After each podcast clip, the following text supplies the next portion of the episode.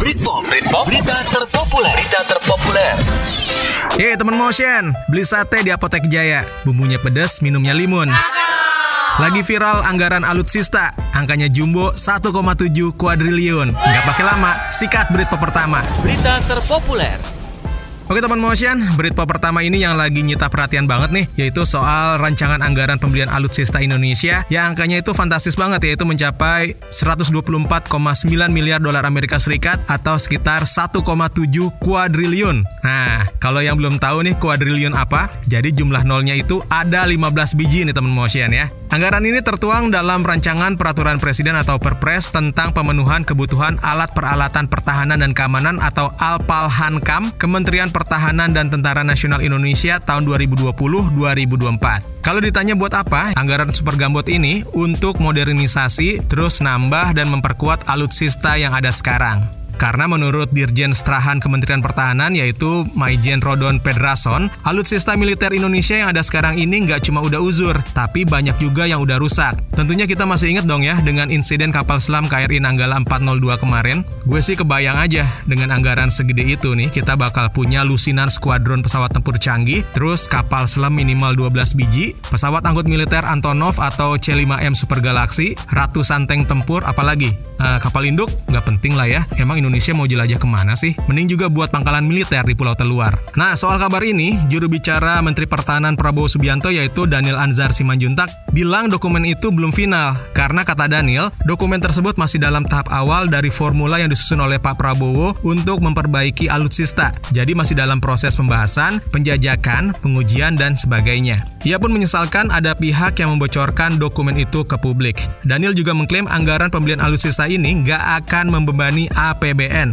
Ya, klaim ini jelas dipertanyakan oleh ekonom dari Universitas Indonesia, yaitu Ibu Nina Sapti Triaswati. Beliau bilang, utang sebesar 1,7 kuadriliun ini akan membuat utang negara makin terpuruk. Apalagi kan sekarang di masa pandemi nih, utang makin bengkak akibat pembangunan infrastruktur dan juga penanganan COVID-19.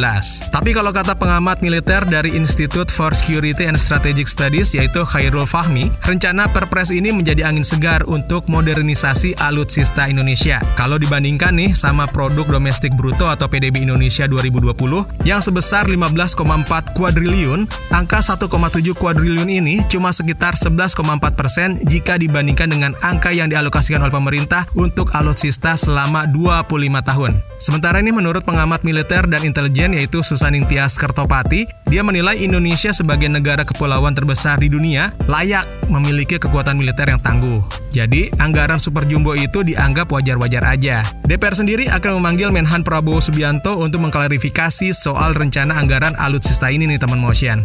Nah, dari viralnya soal anggaran ini, muncul isu liar soal penunjukan langsung Menteri Pertahanan Prabowo kepada PT Teknologi Militer Indonesia atau TMI untuk menangani pengadaan alutsista ini. PT TMI ini kabarnya dipimpin oleh mantan Jenderal TNI yaitu Maijen Purnawirawan Glenny Kairupan yang merupakan anggota Dewan Pembina Partai Gerindra. Perusahaan ini kabarnya baru berdiri pada Desember 2018 atau dua bulan setelah Prabowo ditunjuk menjadi Menhan dan belum memiliki reputasi pengadaan alutsista.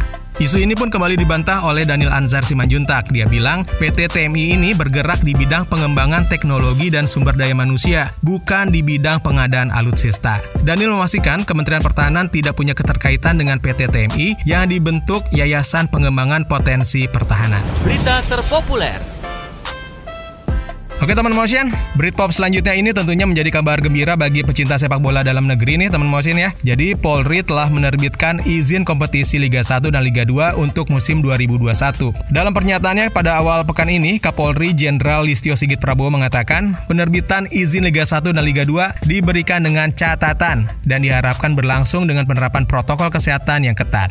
Nah, adapun soal terbitnya izin ini berkaca pada evaluasi dari gelaran Piala Menpora pada Maret hingga April kemarin nih teman Motion yang dianggap sukses digelar dengan penerapan protokol kesehatan yang ketat, salah satunya ya tanpa penonton. Meski begitu, Pak Kapolri ini juga menyayangkan adanya kumpulan supporter yang terjadi pasca final kemarin. Dan tentunya dengan keluarnya izin ini disambut baik oleh para stakeholder sepak bola nasional, termasuk juga Menpora Zainuddin Amali yang kemarin itu hadir dalam pengumuman izin tersebut. Tentunya para pemain dan juga pihak klub juga senang dengan keluarnya izin keramaian dari kepolisian. Terutama untuk para klub, nih mereka bisa segera menyiapkan tim, terus memulai latihan dan berburu pemain baru untuk musim depan. Dan kompetisi Liga 1 sendiri ini rencananya digelar pada 10 Juli, disusul Liga 2 14 hari kemudian. Dan karena kondisi masih pandemi, berdasarkan hasil Kongres PSSI pada Sabtu 29 Mei, Liga 1 2021 akan digelar dengan sistem bubble to bubble kayak Piala Menpora kemarin nih teman motion. Jadi sistem ini nantinya akan membagi perhelatan Liga 1 2021 menjadi 6 seri yang digelar di berbagai provinsi dengan dipusatkan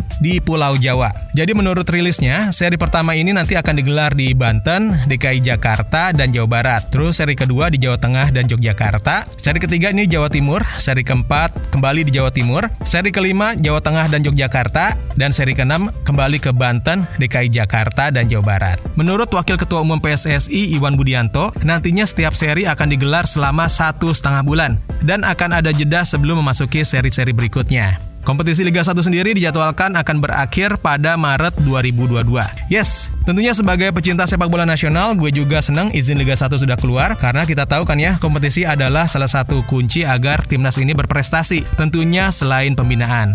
Dan semoga Liga 1 dan Liga 2 berjalan lancar, nggak ada hambatan. Dan untuk para penonton nih, para supporter, kalau emang izinnya nggak boleh datang ke stadion, ya udah ikutin aja. Demi kebaikan kita bersama tentunya. Right, demikian sejumlah berita terpopuler yang dirangkum ke dalam Britpop, berita terpopuler Motion Radio. Dan tentunya gue masih akan balik lagi dengan sejumlah berita-berita terpopuler yang oke punya. Assalamualaikum warahmatullahi wabarakatuh. Britpop, Britpop, berita terpopuler, berita terpopuler.